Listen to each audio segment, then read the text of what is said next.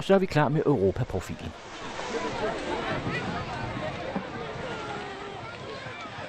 Et lille lydklip fra Middelhavet, lige nu den store indfaldsport ind i Europa, for tusinder og atter tusinder af flygtninge og migranter, der har sat livet på spil under den farefulde sejlads fra Afrikas kyst til Italien i håb om en fremtid i Europa.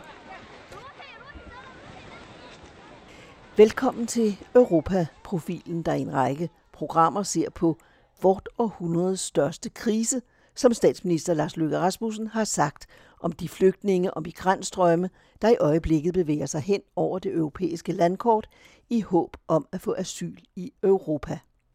Nogle europæiske lande lukker grænserne, andre, som blandt andet Sverige og Danmark, indfører grænsekontrol, og intet tyder på europæisk enighed, end sige samarbejde om, hvordan den nye virkelighed skal håndteres. Udsendelserne produceres med støtte fra Europanævnet og den Obelske Familiefond. Mit navn er Annette Brun Johansen.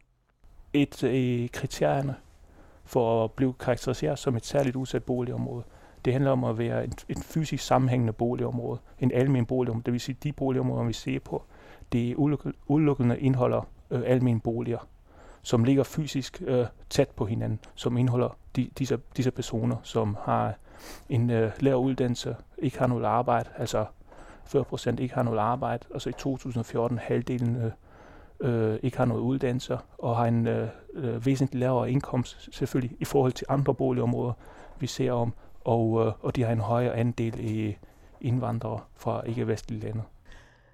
Om lidt taler jeg med sociolog, forsker ved Krak Fond Byforskning, Bense Bøje Kovac, om integration, ghettoer og udsatte boligområder.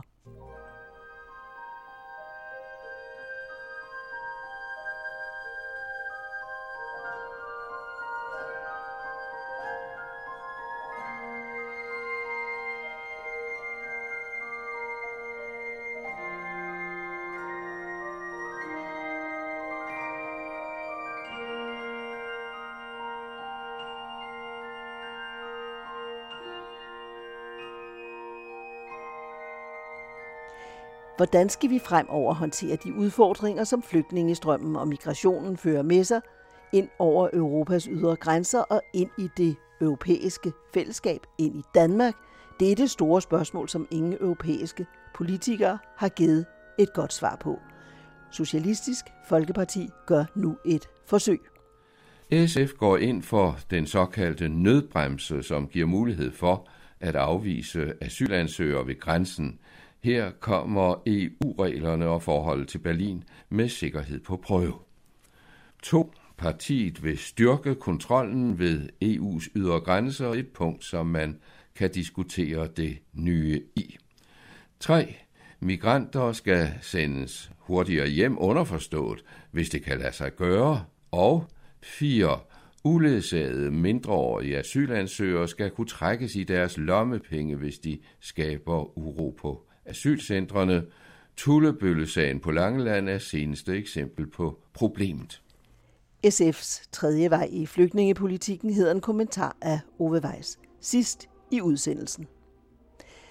Men først til et nyt studie fra Krak, Fond for Byforskning, et historisk tilbageblik på særligt udsatte boligområder, som du er en af forskerne bag. Pensebøj Kovac, øh, hvad er det, der karakteriserer de boligområder, I har kortlagt? Altså disse boligområder har vi karakteriseret ved, ved en høj koncentration i beboere, som, øh, som ikke har noget tilknytning til arbejdsmarkedet eller uddannelsessystemet, som ikke har en uddannelse, som øh, begår kriminalitet og øh, har en lav indkomst. Og over til kan vi også se, at det sker en øget koncentration i folk med en anden etnisk baggrund, altså fra, fra tredje verden. Hvor stor en koncentration taler vi om her? Altså, den start, da vi starter undersøgelsen i 85, så udgjorde andelen i beboere øh, med en ikke-vestlig baggrund omkring 7 procent. Og den er stadig omkring, øh, ja, i løbet af de der 30 år, som vi har set på, på 50 procent. Så der skete en øh, ja, stigning på 43, cirka 43 procentpoint. Altså når vi kigger på, på antallet, så er der sket en øh, nidobling i antallet i, i beboere med en ikke-vestlig baggrund øh, fra tredje verden i, i disse boligområder fra 85 til 2014. Kunne du uddybe, hvad det er, der, der karakteriserer boligområderne? Altså sætte ord på de forskellige punkter, som du har fremhævet?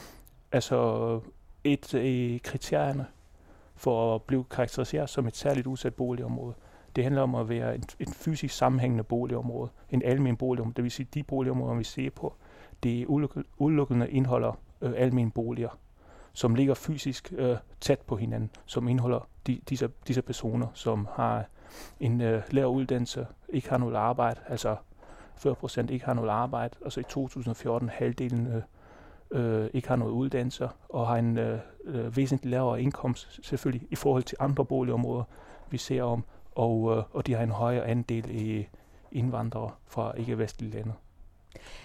Har det været sådan i alle de år, som øh, I har kortlagt? Altså i forhold altså til... ikke nødvendigvis ja. de samme mennesker, ja. der har boet der, men, men ja. problemerne har været de samme? Altså i forhold til indkomst og uddannelse og øh, tilknytning til arbejdet, så kan vi ikke se en stor forandring over disse, disse 30 år. Det vil sige, når vi kigger på øh, 85 og sammenligner vi med 2014, så niveauet på disse karakteristika har nogen været det samme. Øh, til gengæld så kan vi se en stigning i, i andelen af indvandrere og efterkommer fra ikke-vestlige lande i løbet af de 30 år. Det vil sige en stigning på omkring, ja, som jeg var inde på før, 43 procentpoint. Og hvorfor tror du, at øh, den stigning har fundet sted? En gang ghetto, altid ghetto? Det tror jeg ikke på, at det, det er nødvendigt, at det hænger sammen mm. med det. Men øh, altså, det har ikke undersøgt årsagen til, hvorfor folk med en anden etnisk baggrund vælger at bosætte sig i disse boligområder. Men der er nogle andre undersøgelser, der er set på. Mm. Altså indvandrers øh, flyttermønstre og flytterbevægelse. Og øh, jeg tror, at det er et uh, sammenspil i nogle socioøkonomiske karakteristika, altså indkomst, uddannelse, mm. men også nogle øh, demografiske karakteristika. Altså disse undersøgelser viser øh, blandt andet, at øh, vi søger hen imod dem, som vi ligner hinanden. Det vil sige, det handler om, at, at jeg gerne vil bo sammen med nogen, som, som har øh, den samme etnisk baggrund. Men det også handler om i højere grad, hvorfor nogle muligheder jeg har på boligmarkedet med det indkomstniveau, med den uddannelse, med den beskæftigelse, som jeg har. Det vil sige... Og med den mangel på arbejde, som der jo ja, også for, for, for eksempel. Altså, der nogle undersøgelser viser, at øh, folk med en høj uddannelse og høj indkomst øh, har nogle andre præferencer i forhold til boligmarkedet, eller, eller øh, størrelse af boliger, kulturelle øh, kvalitet, altså øh, kvaliteten i boligområdet er anderledes for dem, som, øh, som ikke har noget arbejde, har en, en lav indkomst, ikke har noget uddannelse. Det vil sige, de to samspil kan være med til, at folk øh, søger hen imod disse boligområder. Og så det, som vi ud, ud over det, så kan vi se i vores undersøgelser, at familiesammensætningen er anderledes blandt øh, indvandrere fra ikke-vestlige øh, lande, mm. end for eksempel bare for, for danskere eller vestlige. Det vil sige, det ikke handler kun om, at man flytter tid til disse boligområder, men det handler også om, hvor mange børn man får, hvor mange børn man har, altså hvordan familiekonstellationen udvikler sig over disse 30 år. Og her kan vi se, at beboere med en ikke-vestlig baggrund i højere grad har familier med flere børn, hvorimod danskere eller vestlige beboere, eller beboere fra vestlige lande, de er i højere grad enlige. Det vil sige, det er en stigning, som vi kan se, afspejler også, at, at de får flere børn. Altså det er en familie, altså familiekonstellationen er anderledes i disse boligområder blandt ikke-vestlige indvandrere end for vestlige eller danskere. Og det er så de problemstillinger, du nævner, der knytter sig til de store sociale boligområder, øh, der får nogen til at konkludere, at ghettopakkerne sådan set ikke har haft nogen virkning?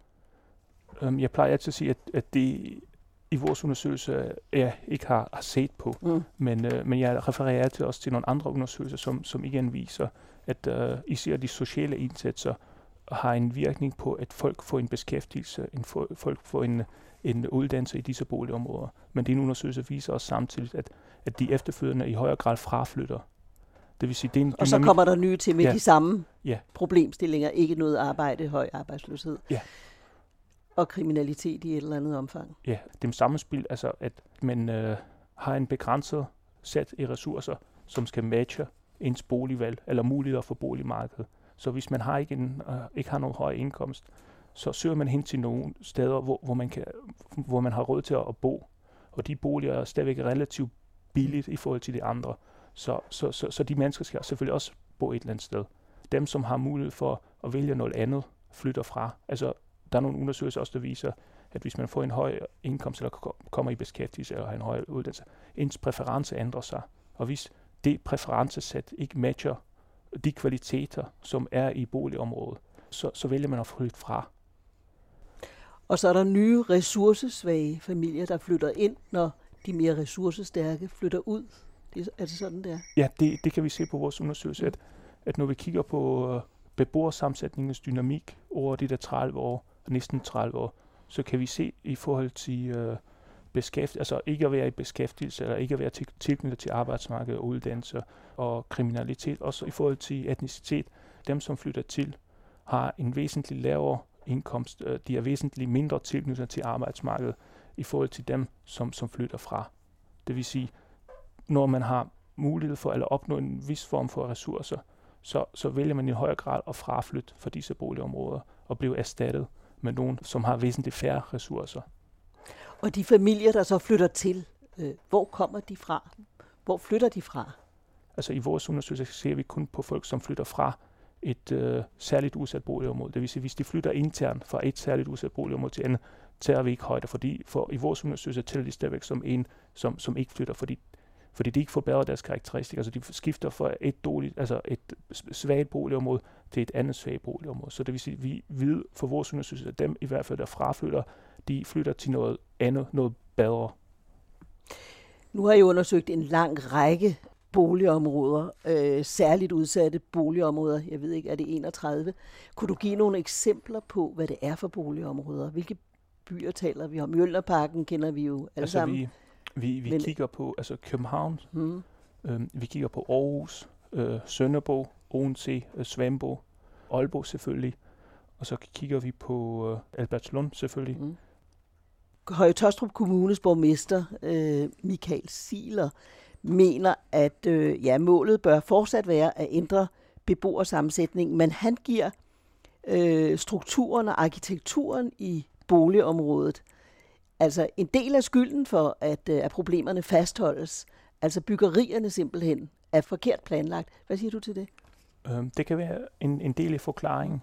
Altså, hvis man igen tager, hvordan man, man vælger at bosætte sig i, i byer for eksempel, så det er ikke øh, stor overraskelse for mig, at hvis man bygger en type boligformer, koncentreret et fysisk sted, som, som tiltrækker en vis øh, klientel, altså for eksempel folk med lav indkomst, så er det ikke overraskende, at de mennesker, som ikke har nogle andre muligheder for at bo, koncentrerer sig i disse boligområder. Det vil sige, over tid, så opstår der per definition en høj koncentration i personer, som ligner hinanden, fordi skæv fordeling i boligformer i byer er med til at, at skabe den koncentration i, i ressourcesvære personer. En del af forklaringen kan være selvfølgelig, at, at arkitekturen, eller den mål, vi, vi indretter byer, er, kan være med til at skabe disse boligområder med, med en høj koncentration i altså relativt ressourcesvære personer. Er der noget i dit øh, studie her, i jeres studie, som øh, nogle af resultaterne, som kommer bag på dig som forsker? Ja. Havde du ja. forventet, at det havde været et andet billede, I havde kunne tegne? Altså det overrasker mig, at øh, de boligområder er så, så konstante på, på de øh, karakteristikker, som, som vi har set på. Altså jeg, jeg faktisk havde forventet, at, øh, at det ville udvikle sig stille og roligt over. Og det kan godt være, at, at hvis vi, hvis vi gå, kunne gå tilbage, endnu 20 år længere tilbage, så kunne man se den udvikling. Men på de 30 år, som vi har set på, så, så, så, så havde jeg forventet lidt, at, at det, det, det ville ske en udvikling i, den koncentra- altså i koncentration i, i ressourcer svagere øh, beboere i disse boligområder. Altså det ikke være så, så konstant på de der fire, øh, tre, fire kriterier, som, som vi har set på. Men det er det så, og hvordan ja. ser du så, hvad skal man sige, øh, undersøgelsen i et fremtidsperspektiv? Hvilke konsekvenser mener du, at sådan et studie, som I har lavet her, om de udsatte boligområder, bør have? i forbindelse med rapportens eller temaets offentliggørelse, så der er et projekt, som jeg ikke øh, ja, kendt til i Aarhus, som i, ja, i Gellerup som, som de forsøger at bygge en hel bydel omkring øh, øh, ja, det særligt udsatte boligområde for at, at tiltrække flere ressourcestærke. Og det tror jeg også, at det hænger i høj grad sammen med det, som jeg har sagt før, at, at, at man forsøger at at imødekomme de præferencer, som ressourcestærkere eller familie andre har i de boligområder. Så de, de forsøger at by, bygge en hel bydel omkring det boligområde, hvor, hvor man har andre kvaliteter og faciliteter, som, som kan måske tiltrække flere ressourcestærkere øh, familie eller husstande, som, som dermed kan ændre øh, beboersammensætningen. Det, det, det kan være ja, en, en, en, en mulighed. Men, øh, men igen, altså, det er et spørgsmål også om, om, om det er et, øh, altså, tænker jeg i højere grad en, et politisk spørgsmål, mm. altså om hvorvidt øh, særligt et boligområde med en høj koncentration i, i ressourcesvære øh, beboere er uønsket eller ej. Altså, er det negativt eller, eller dårligt, at de mennesker bor sammen med hinanden? Fordi i princippet, så, så, så skal vi alle sammen have mulighed for at bo et eller andet sted. Og hvis personer, som, som ikke har flere ressourcer end, end at bo her, kan finde et sted til at bo, så det er ikke nødvendigvis noget negativt. Du hørte forsker Bense Bøje Kovac. Socialistisk Folkeparti har med et flygtningeprogram med 27 punkter lagt en ny kurs, som partiet kalder Den tredje vej, et sted mellem realisme og idealisme, Ovevejs kommenterer. Socialistisk Folkeparti, som er det parti, der ifølge undersøgelser står Socialdemokraterne nærmest, har lanceret en ny udlændingekurs placeret mellem idealisme og realisme, en tredje vej, som det siges. Formuleringen er velkendt både i den hjemlige og internationale politiske terminologi. Dansk Samling talte fra sin stiftelse i 30'erne om det tredje standpunkt, og Tony Blair bragte i 1997 Labour tilbage til regeringsmagten i Storbritannien netop med programmet Den tredje vej. En anden årsag til SF-initiativet kan nærmest symboliseres med det tidspunkt, hvor den unge gruppeformand Jakob Mark fremlagde partiets 27-punktsprogram for flygtningene. Det skete samtidig med, at toppen af dansk erhvervsliv mødtes med internationale iværksættere og ikoner, blandt andre medstifterne af Apple og Netflix, på en konference i Bella Center i København. Titlen var Disruption, som direkte oversat betyder afbrydelse, sammenbrud eller ligefrem sprængning. Temaet var velkendte etablerede virksomheder, som overhales og overflødiggøres blandt andet af teknologien. Et eksempel på konferencen var den verdensomspændende koncern Kodak, hvis filmruller engang var et must for alverdens fotografer, men som i dag er blevet overhalet af det digitale fotografi. Noget tyder på, at SF er udsat for politisk disruption. Partiet blev straffet for sin regeringsdeltagelse og halveret ved valget sidste år. Siden har det haltet både centralt og lokalt. Senest har partiet mistet sit kommunale stjerneskud med det Torborg, som har forladt borgmesterposten i Lejre til fordel for en direktørstilling i kulturforvaltningen på Københavns Rådhus.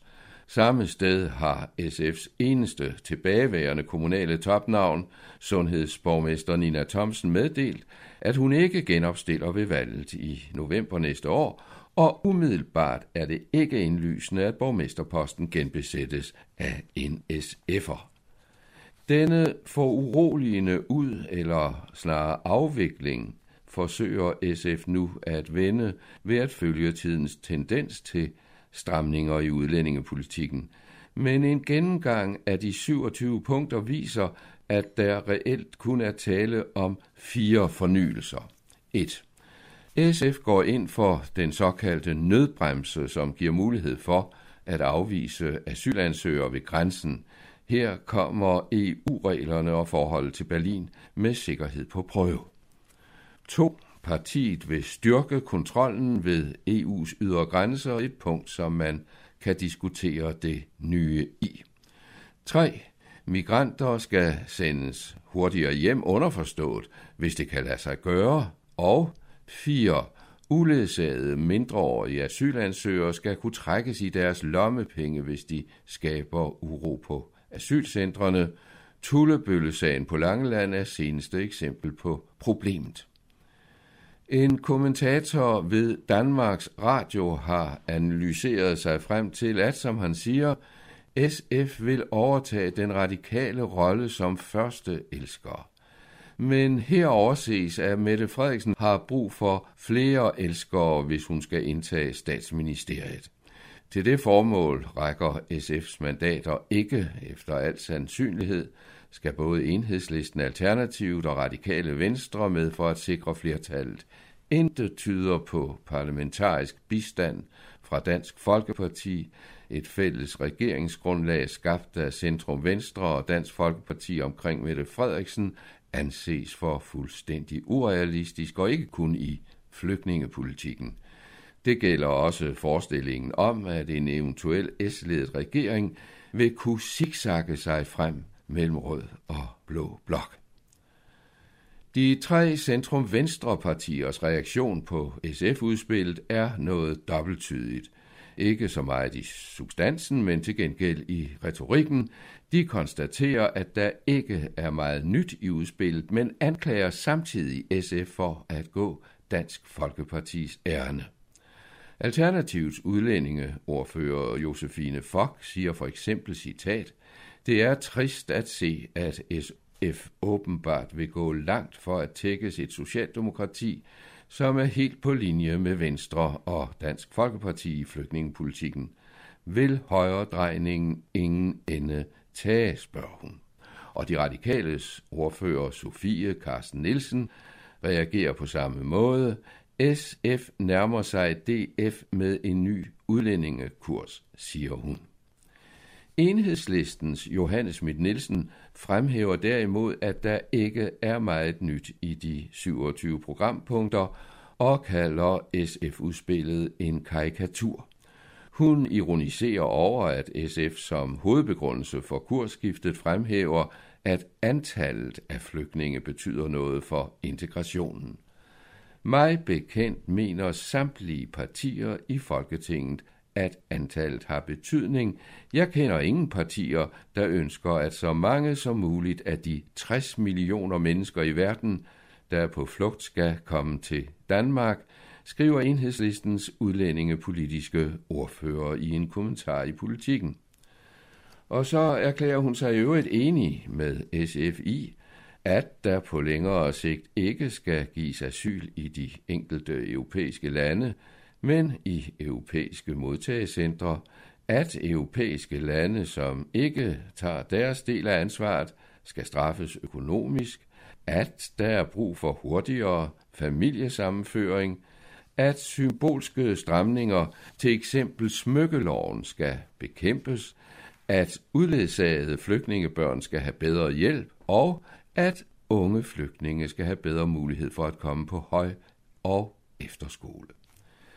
Schmidt Nielsen erklærer sig også enig i SF's modstand mod fattigdomsydelser som integrationsydelsen. Og på det højere europæiske plan vil hun, det vil sige enhedslisten, gerne styrke Dublin-systemet, hvis hovedindhold i dag er, at der skal søges asyl i det første land, hvor flygtningen registreres.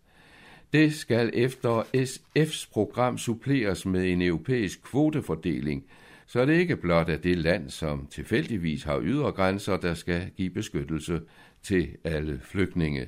I den forbindelse fremhæver Schmidt Nielsen, at SF nu vil tage imod 1000 kvoteflygtninge mod i dag 500, eller rettere indtil i år, for Folketingets flertal har suspenderet den snart 40 år gamle FN-ordning, ikke at forveksle med EU's forsøg på kvotefordeling, som stort set er mislykkedes.